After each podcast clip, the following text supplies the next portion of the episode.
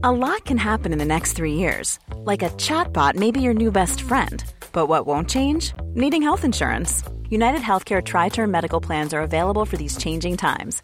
Underwritten by Golden Rule Insurance Company, they offer budget friendly, flexible coverage for people who are in between jobs or missed open enrollment. The plans last nearly three years in some states, with access to a nationwide network of doctors and hospitals. So, for whatever tomorrow brings, United Healthcare Tri Term Medical Plans may be for you. Learn more at uh1.com.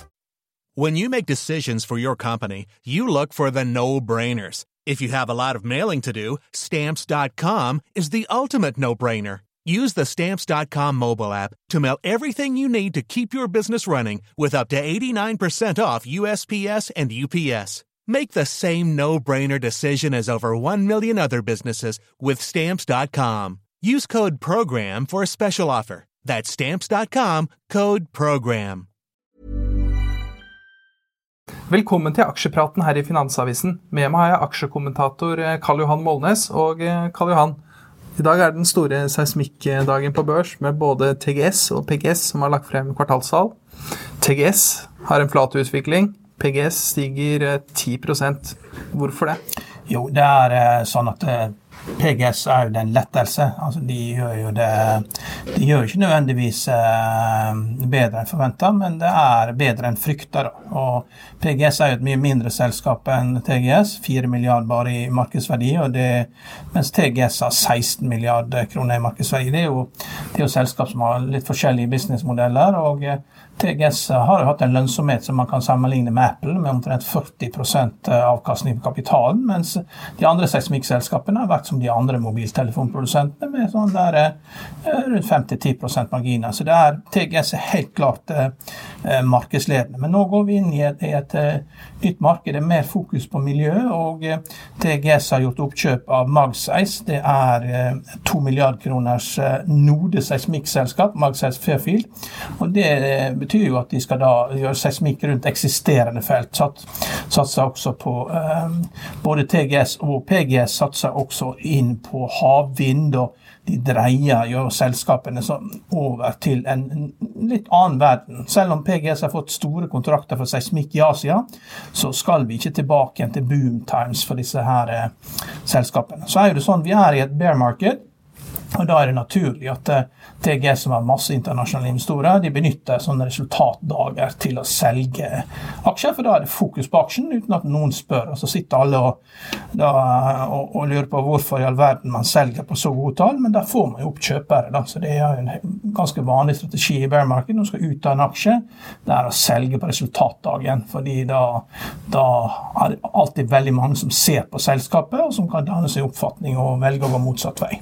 En ting som er veldig interessant, er jo potensiell konsolidering i, i seismikk. Eh, TGS har kjøpt Magsize, og så har de tidligere prøvd å kjøpe PGS.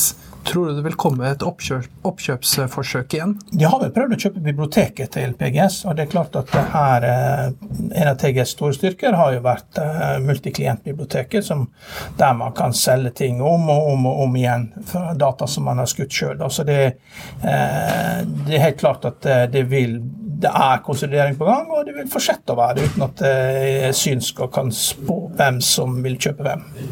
Og så må vi snakke litt om oljeprisen. Hvis man går inn i en resesjon nå, Tror du oljeprisen vil få seg en knekk da? Jo, det, det, er klart eh, det er mange som spekulerer nå i at eh, Og, og jeg hørte nå at det, det var mest puttopsjoner på nå.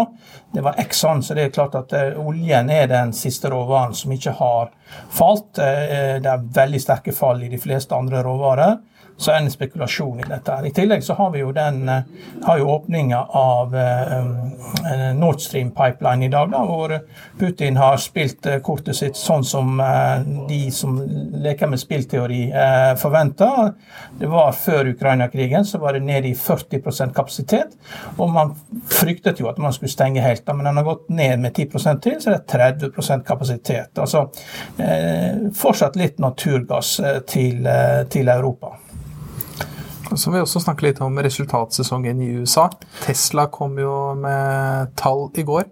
Hva er, din, hva er din vurdering av de ja, tallene? Tesla, Tesla kom med sånn passelig bra tall, men det er fordi at de har jo innkjøringsproblemer med fabrikken både i, eh, både i Berlin og i, eh, i, eh, Kina, hvor de, Elon Musk sier at fabrikkene brenner, brenner penger. Men fortsatt så er marginen relativt god, 26 selv etter justert for klimakvoter i USA. og Det er en veldig bra bruttomargin. Hvis man ser på bruttomarginer på, på selskaper som Tesla bør sammenligne seg med, så er jo det bare se på hvilket ego eh, man får av å kjøpe de ulike bilene. Luksusbilene som Aston Martin og Porsche og Lamborghini har jo hatt veldig høye markedsverdier på børsen. De har 50% bruttomargin. Mer folkelige eh, varer som Harley Davidson 36% bruttomargin. og det er kanskje, Selv om Elon Musk ønsker å ha 30% margin, så å komme opp på Harley Davidsons nivå med 36 bør være et mål. fordi at dette, dette er jo, dette er jo liksom merker som folk er villige til å tatovere på kroppen. Og, og, så kommer, og så kommer 1000 kroner spørsmål. Ja. Du kjører Tesla. Har du tatovert Tesla Nei, på armen? Nei, det har jeg ikke gjort. Det er guttungen som uh, har, har, fått meg til å gjøre dette. de, har, de har gått, uh, gått gradene, krasjet tre gamle biler. Og nå har de blitt såpass gamle at uh, de kan alle dele på en liten Tesla og ha det gøy med. Så det, den, den, går fint. Men det, men det, er klart, eh, Tesla som aksje skal man være, være forsiktig med, men likevel, det er, uh, det er veldig høye marginer. Sammenlignet med andre bilselskap som ligger ned på 14-15% Så det er Elon Musk han gjør mye rart, men han gjør mye rett også. Har du lyst til å lese mer om hva som skjer i seismikkmarkedet, i aksjemarkedet, og hva som skjer med Tesla-aksjen, gå inn på finansavisen.no.